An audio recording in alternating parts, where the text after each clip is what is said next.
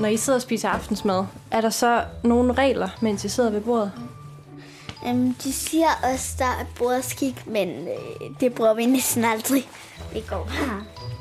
Måltiderne fylder ofte en stor del af familielivet, og de er den vigtige ramme for, hvor meget og hvad der bliver spist i en familie.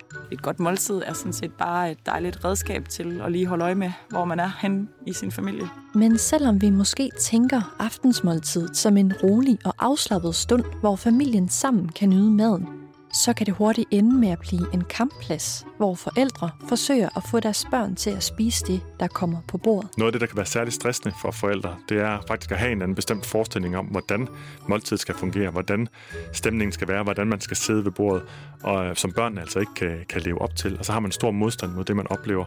Øh, og den modstand er i sig selv en belastning, en mental belastning. Måltidet har stor betydning for, hvor meget børnene spiser og hvad de vil spise.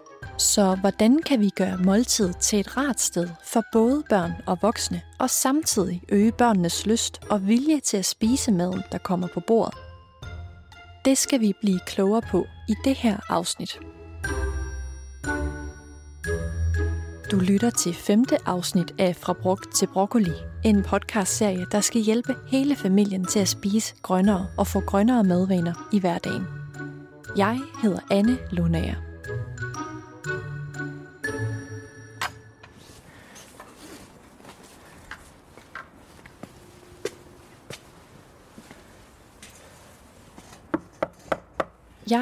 Endnu en gang på vej hjem til familien på Amager, som jeg også besøgte i de første afsnit. Hej Anne. Hej Mette. Kom ind. Jo, tak. Det er forældrene Mette og Bo, tvillingerne Juliane og Mads på 8 år, og deres tre ældre halvsøskende, Asker, Jonathan og Anna, som bor her. Hej Mads. Hej. Det er onsdag eftermiddag. Klokken er 5, og det er kun Mette og Mads, der er hjemme lige nu. Hvor er det Juliane er henne? Hun er til kor. I går til mange ting, gør I ikke der, Juliane? Mm, jeg går til tre ting. Det er tegning, klatring og spejder.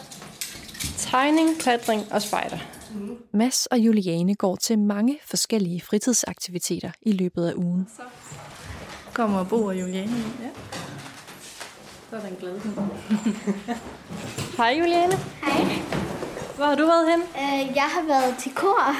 Og derfor må aftensmåltiderne i familien ofte tilpasses efter, hvornår de fleste er hjemme. Nogle gange så når vi ikke at lave aftensmad, og så ender vi med at spise aftensmad klokken halv ni om aftenen, når vi er til spejder.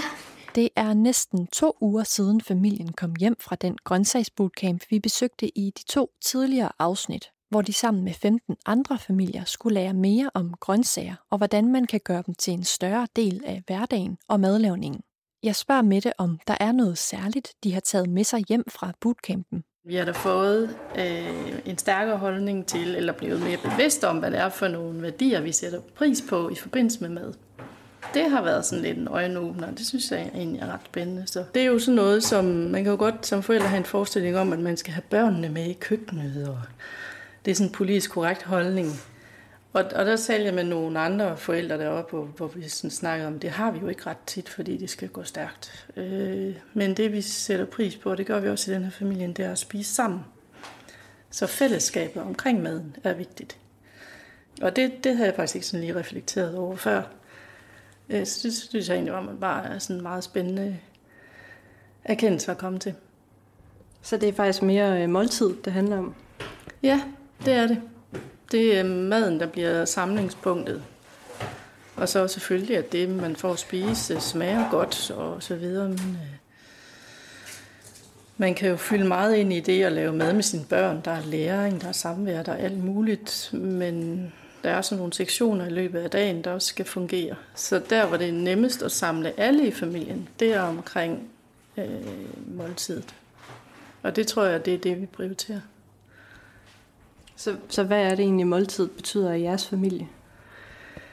Det er der, vi som familie samles, fordi vi er travle mennesker. Også, også de unge mennesker er travle.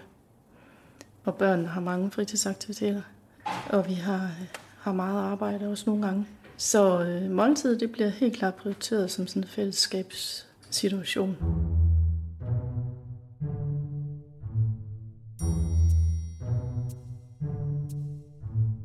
Hverdagen kan være hektisk hos mange familier, hvor alle skal noget forskelligt hele tiden. Og her kan måltid derfor blive et vigtigt samlingspunkt. Men hvad er det egentlig, der er så særligt ved netop måltidet? Måltidet er, er rigtig central og, og har måske rigtig meget fokus i dag, fordi at øh, det er ligesom det sted, hvor vi lige øh, tjekker ind og har øh, mulighed for at kigge hinanden i øjnene. Og det betyder jo, at der kan være mange ting ophobet i en dag, der lige skal ud. Det kan være oplevelser, det kan være noget, man er frustreret over, noget, man er ked af, noget, man har været glad for. Så der er jo, man tager jo meget med. Mange oplevelser, mange følelser, der også kan fylde til det her måltid, og det er det, der er vigtigt. Det her er Trine Krabs, som vi også mødte i de forrige afsnit, hvor vi var med familien på Grøntsagsbootcamp. Og så kan maden være, være sådan et baggrundstæppe, som, øh, som, gør, som har en funktion, at man skal være mæt. Og det er rart at være mæt. Man sover rigtig meget bedre. For eksempel og har det dejligt med sig selv og sin krop, og man kan alle mulige ting. Man kan hoppe og springe, fordi man er mæt. Men det vigtige, det vigtige er jo sådan set bare, at det er, det, eller det er et baggrundstæppe, som, som, som skaber den her en dejlig ramme for, at øh, vi sidder sammen. Vi ville måske ikke få sat os ned, hvis ikke der var noget konkret, vi skulle gøre for at holde os i live. Og alle de væsener, der er rundt om det her bord, de er fuldt ud bevidste. Altså det kan godt være, at de ikke kan forklare det eller sige det, men de ved godt, at det her det er faktisk vigtigt for at opretholde livet. Det ved man fuldstændig instinktivt, at så skal man spise. Måltidet er et sted, hvor vi kan kigge hinanden i øjnene. Og her skaber maden sådan set bare en ramme for, at vi mødes. Et godt måltid er sådan set bare et dejligt redskab til at lige holde øje med, hvor man er hen i sin familie. Så, der skal, så det, det, det, det der med at, at have fokus på roen og freden og, og så bare, eller ikke bare, der er aldrig noget bare i det her. Det er altså stille og roligt og øve sig i at smage og få det serveret og få det med ind stille og roligt. Men ikke desto mindre, så kan den her ramme nogle gange byde på nogle udfordringer, specielt for børnefamilierne. For rigtig mange mennesker tror jeg, det gælder, eller for rigtig mange forældre tror jeg, det gælder, at man har en forventning om, at når vi sætter os ved bordet og har slukket hjemhætten, at så er der ligesom ro, og der er rart, og vi kan samtale, og vi kan spise, og der er, vi er sådan hen mod afslutningen på dagen, hvor tingene sådan skal falde lidt ned. Det er vores forventning. Men, men det, der rent praktisk rigtig ofte sker, det er, at øh, det er næsten det modsatte. Og her er igen ernæringsekspert Morten Elsø, som vi også har hørt en masse fra i de forrige afsnit. At vi sætter os til bordet, og så kommer der øh, dagens stress, og øh, der, kommer, der kommer konflikter, og der kommer sådan lidt, lidt ragnarok nærmest øh, ved bordet, hvor der øh, flyver rundt med ting, skulle jeg til at sige, om ikke andet flyver rundt med med ord som øh, sæt dig ned, spis nu det der, der ligger på din tallerken. Nej, bliv her ved bordet, eller du må ikke lege med maden. Og en masse forskellige øh, udsagn for os forældre, som, som øh, egentlig ikke gør det nemmere at, at slappe af og være til stede ved bordet for børnene.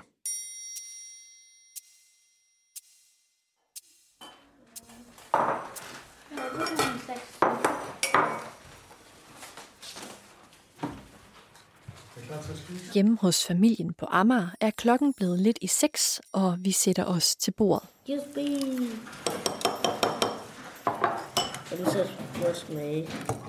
Der er omkring en time til, at Juliane og Mads skal ud af døren igen, når de skal til spejder.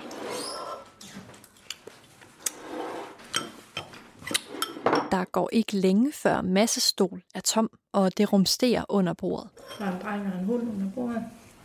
Hvad? Kommer du ikke herop, Mads? Skal jeg have noget mere? Ja. Nu er begge børn under bordet, hvor hunden ligger. Hvad laver I under bordet? Jeg ligger ære min hermand, imens den bider i min mors sko. Kom på. Ja.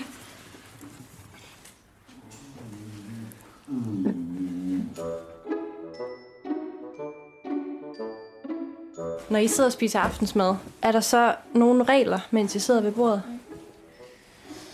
Ja, man må for eksempel ikke af vores hund, når man spiser. Um, de siger også, der er bordskik, men øh, det bruger vi næsten aldrig. Vi går bare. Hvad handler bordskik om? Det er om, når man skal sidde ved bordet, indtil alle de er færdige med at spise.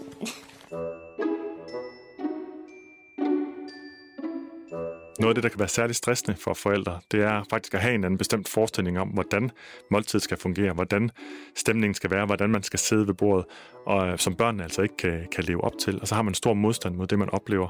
Øh, og den modstand er i sig selv en belastning, en mental belastning der giver det mere mening måske at gøre en lille smule op med sine forestillinger om, hvad det vil sige at sidde og spise aftensmad sammen, og huske på, at den ikke er statisk. De faste forestillinger, vi kan have om, hvordan et måltid i familien skal være, de kan nærmest være en hindring for, at vi kan skabe en afslappet stemning ved bordet.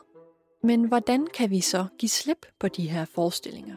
For at ændre den kultur ved, ved bordet, hvor, hvor det ender sådan i hårdknuder som sådan en kampplads, øhm, så skal man først og fremmest som forældre øh, give slip på at prøve at styre, hvad børnene spiser.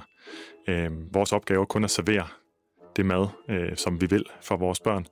Øh, og dernæst er det, er det børnenes eget ansvar, øh, hvad de spiser, hvor meget og i hvilken rækkefølge.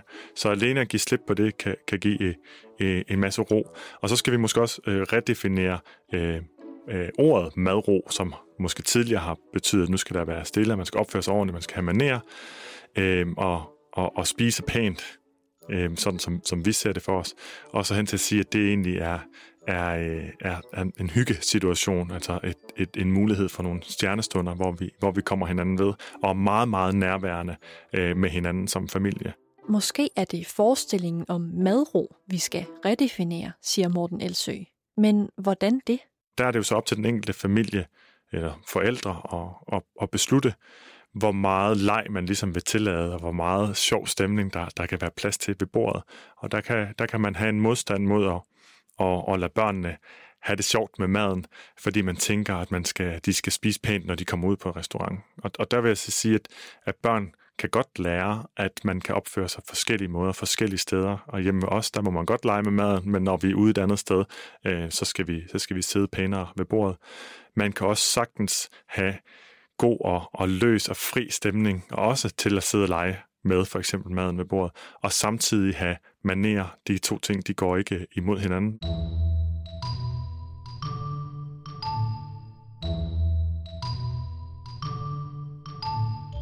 Har I nogle idéer til, hvordan man kan lege med maden? For eksempel, hvis du har en sovs og nogle ærter, og så tager du bare en hel masse ærter her og en hel masse ærter på her, og putter op i sovsen og leger som om de angriber hinanden og alt muligt. Og tager en kulderød. Mulig hurtigt. Mor er stor og alt muligt. Det er et rummeskib. Man kunne også lege med sin agurker. Men nu bruge dem som både på øhm, sovsen eller suppen. Jeg har faktisk det der med, at man helst ikke skal lege med maden. Men det er fordi, øhm, altså hvis de bare sidder og leger med maden inden for tallerkenen, så går det nok. Men, øhm, men jeg har set mad blive blandet med legetøj og sådan noget, så synes jeg måske, at det tager en lidt uheldig drejning. Det her med at lege med maden ved bordet, det kan faktisk være en god måde at skabe en god og afslappet stemning omkring måltidet.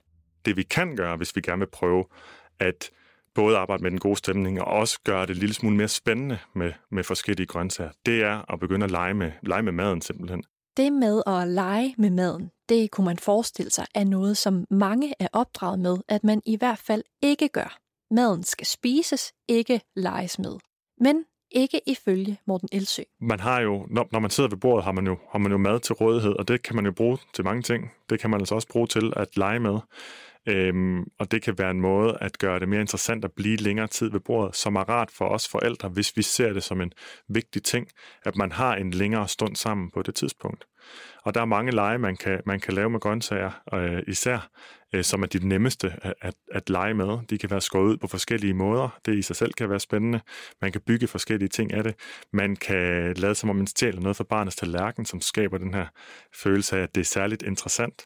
Eller man kan sige, øh, hvis der er en ny grøntsag på bordet, så sige, det er kun far, der må få den. Fordi så er der lige pludselig kamp om, at jamen, hvis, det, hvis det er noget, der er forbudt for os at spise, så bliver vi ekstra interesseret i det. Så der er mange ting, man kan gøre, og der kender man sine børn bedst selv, om det er nogen, der er sådan et konkurrencepræget, som hvem kan spise den her øh, squashpasta hurtigst, eller hvad det nu ellers kunne være. Så når man ligesom bypasser og giver noget mod, eller bypasser den her øhm, øh, modstand, der kan være mod at prøve noget nyt, og får det sat ind i et lejende, øh, sådan mere lejende rum i stedet for. Leg med grøntsagerne kan skabe god stemning ved bordet. Det kan holde børnene længere ved bordet, og så kan man alt muligt med grøntsagerne, uden at de sviner og uden at man får fedtede fingre. Det eneste, vi skal huske, er, at vi aldrig må presse børnene til at smage på grøntsagerne, bare fordi de leger med dem. Vi kan ikke lide, når børn leger ved bordet, men typisk, når de leger med deres øh, legetøj ved bordet, er, er lidt irriterende, fordi det skal ikke være sammen med maden. Men især øh, rå grøntsager er rigtig gode at, at lave forskellige lege med ved bordet. Men vi skal gøre det uden at have den reelle ambition om, at de skal begynde at spise det. For så snart vi har den, så begynder vi lige sige, så skal du ikke også lige smage. Og så kommer presset igen, og det er der altså nogle, mange børn, især dem, som man vil opfatte som kredsende, der, der lynhurtigt opfanger og stejler på.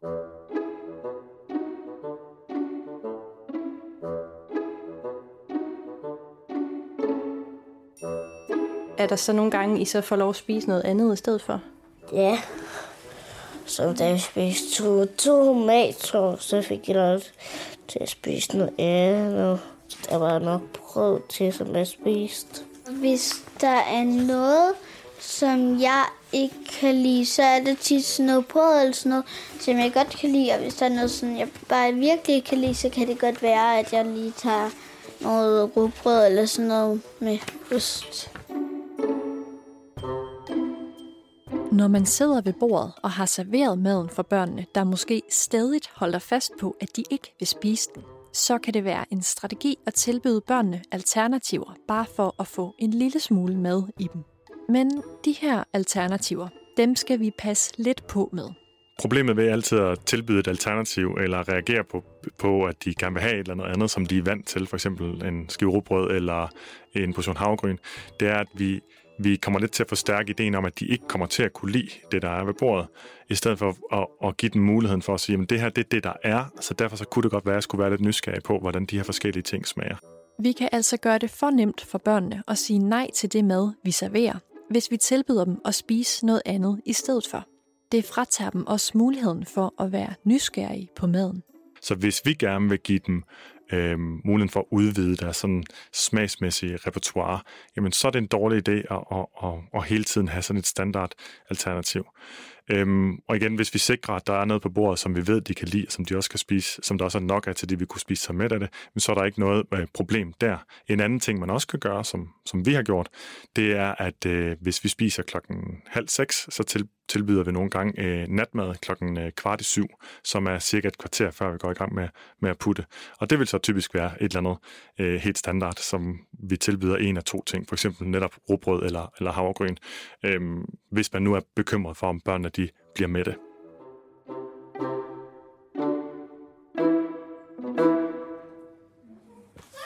Juliane?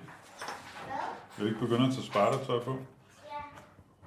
Mads? Hjemme hos familien på Amager er der leg og larm i køkkenet, og Bo prøver at få børnene til at gøre sig klar til at skulle til spejder. Mads? Vil du begynde at tage spejdertøj på? Hvorfor?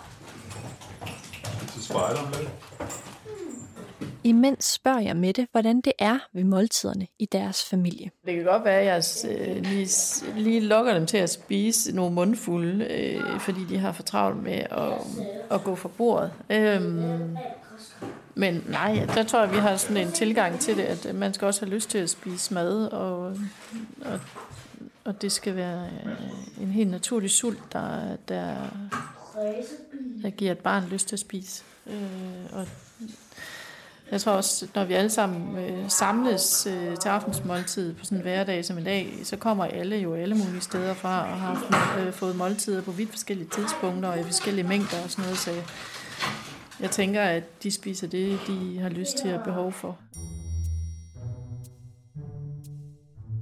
Nu har vi jo hørt om både i det her og nogle af de forrige afsnit, at man som forældre skal prøve at give slip ved bordet og forsøge at undgå at styre, hvad børnene spiser.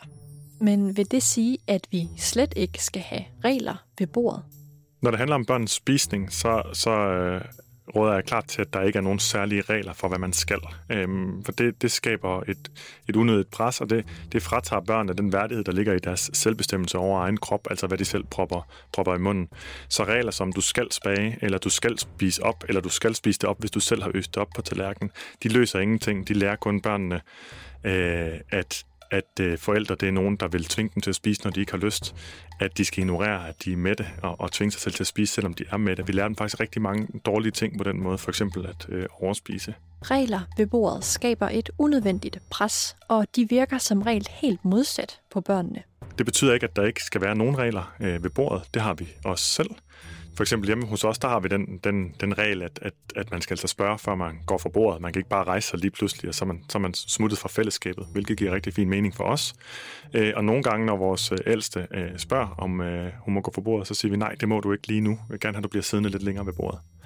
Øh, så, så på den måde, så, så, så synes jeg, man kan sagtens finde en mellemvej mellem, at det hele skal være meget regelstyret, og man skal gøre alt, hvad forældrene siger, Øh, og så i den anden ekstrem, at børnene fuldstændig må gøre, hvad, hvad der passer dem. Men at det er altså også der sætter rammerne øh, for, hvordan det her måltid det skal være. Den eneste regel, vi faktisk med fordel kan lave, er, at børnene skal blive siddende ved bordet, også selvom de er færdige med at spise, eller hvis de slet ikke vil spise noget. På den måde sætter vi rammerne omkring måltidet, men uden at vi presser børnene til at spise. Så vil jeg så også tilføje der, at man skal ikke øh, bede barnet om at blive siddende for at spise mere, eller dernæst næst prøve at lokke dem til det. Men samtidig kan vi se, at nogle gange så vil barnet gerne ned fra bordet, fordi de gerne vil over til iPad eller ind og lege eller ind og tegne videre på et eller andet. Og så faktisk har de kun fået dækket lige den værste sult. Og så kommer de jo en halv time efter og vil have noget mere at spise. Og der rent praktisk, der giver det mening også at sige, bliv lige siddende ved bordet. Og så give slip der, fordi der slutter vores ansvar som forældre, men, men typisk så vil der så ske det, eller det er i hvert fald været vores og, og mange andres oplevelse. Når, når man alligevel sidder der, så kan man jo så lige så godt øh, få spist sig mæt, når man er der. Og det er en god idé at spise sig mæt til sine måltider.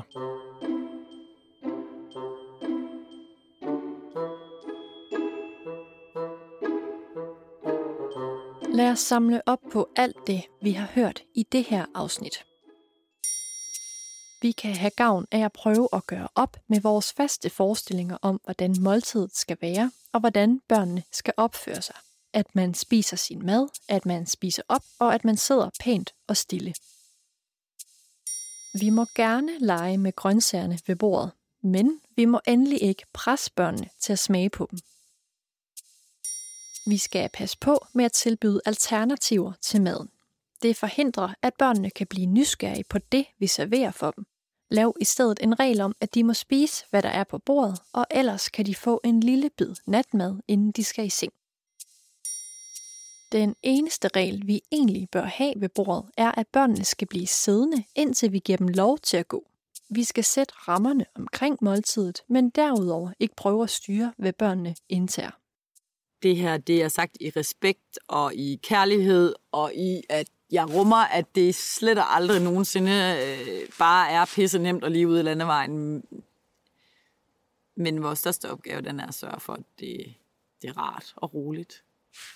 Og det er en god, god stund, hvor der er plads til, at vi alle sammen kan være rundt om bordet, uanset om vi er den i søskenrækken, der spiser alt, hvad der bliver sat foran os, eller vi er den, der simpelthen ikke kan spise den der gulerod nede i gryderetten.